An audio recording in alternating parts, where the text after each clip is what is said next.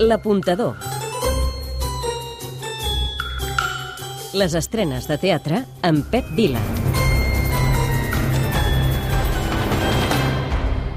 Lluïsa Coniller, una dramaturga diferent, innovadora, ara amb el seu text més cinematogràfic, Els subornats, a la sala Beckett. Emma, el vampir de Dusseldorf.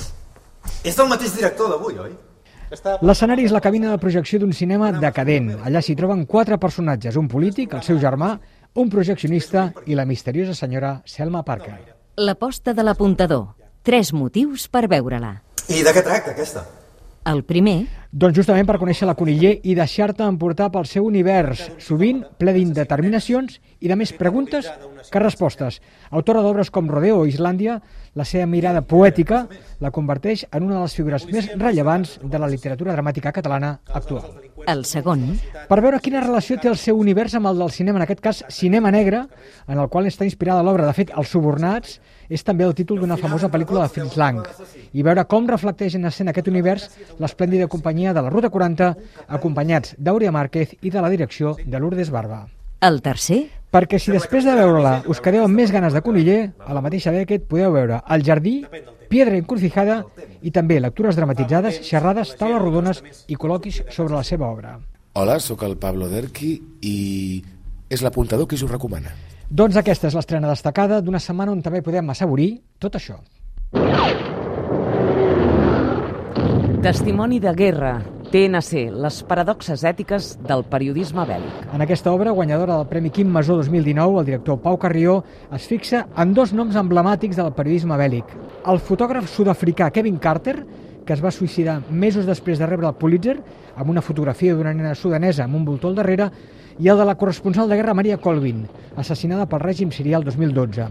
L'obra, interpretada per Laura Aubert i Pol López, parla del periodisme en zona de guerra i de les seves conseqüències.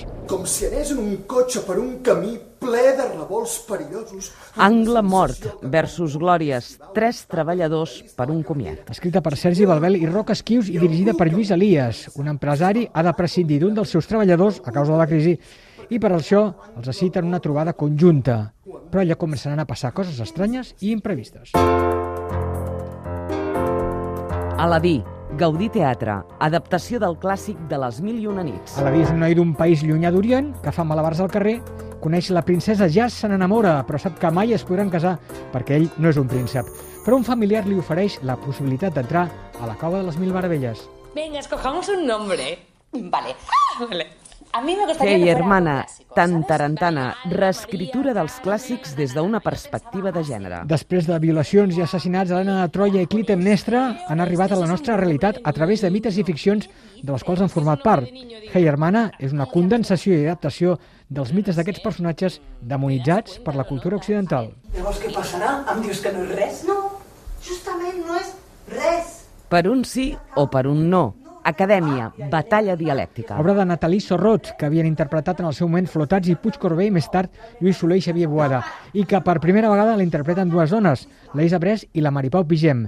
Mostra la discussió entre dues amigues íntimes que arribaran a postures irreconciliables després de donar llum a pulsions soterrades de forma violenta i inesperada. Hi ha perill de bombardeig. Aneu amb calma i serenitat als vostres refugis. Ja no tenen odi, ja no tenen rancor. Sala Fènix. Peça de radioteatre on a través de cartes, testimonis i records les víctimes de la Guerra Civil Espanyola recorden el malson que van viure o com es van estroncar les seves vides.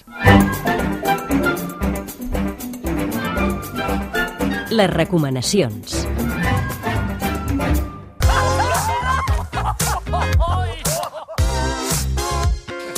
L'èxit de la temporada, Teatre Coliseum, l'èxit del Terrat. Commemorant els 30 anys d'existència, la majoria del Dream Team de la productora s'ha reunit per explicar la història d'un grup de còmics que volen demostrar que dominen tots els gèneres i volen fer Romeo i Julieta.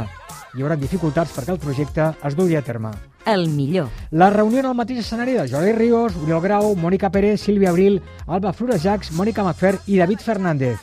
És una trobada nostàlgica per l'espectador intueixo que també per ells mateixos. El pitjor. Que el públic pensi que veurà una col·lecció dels millors gags de la companyia, i no és així.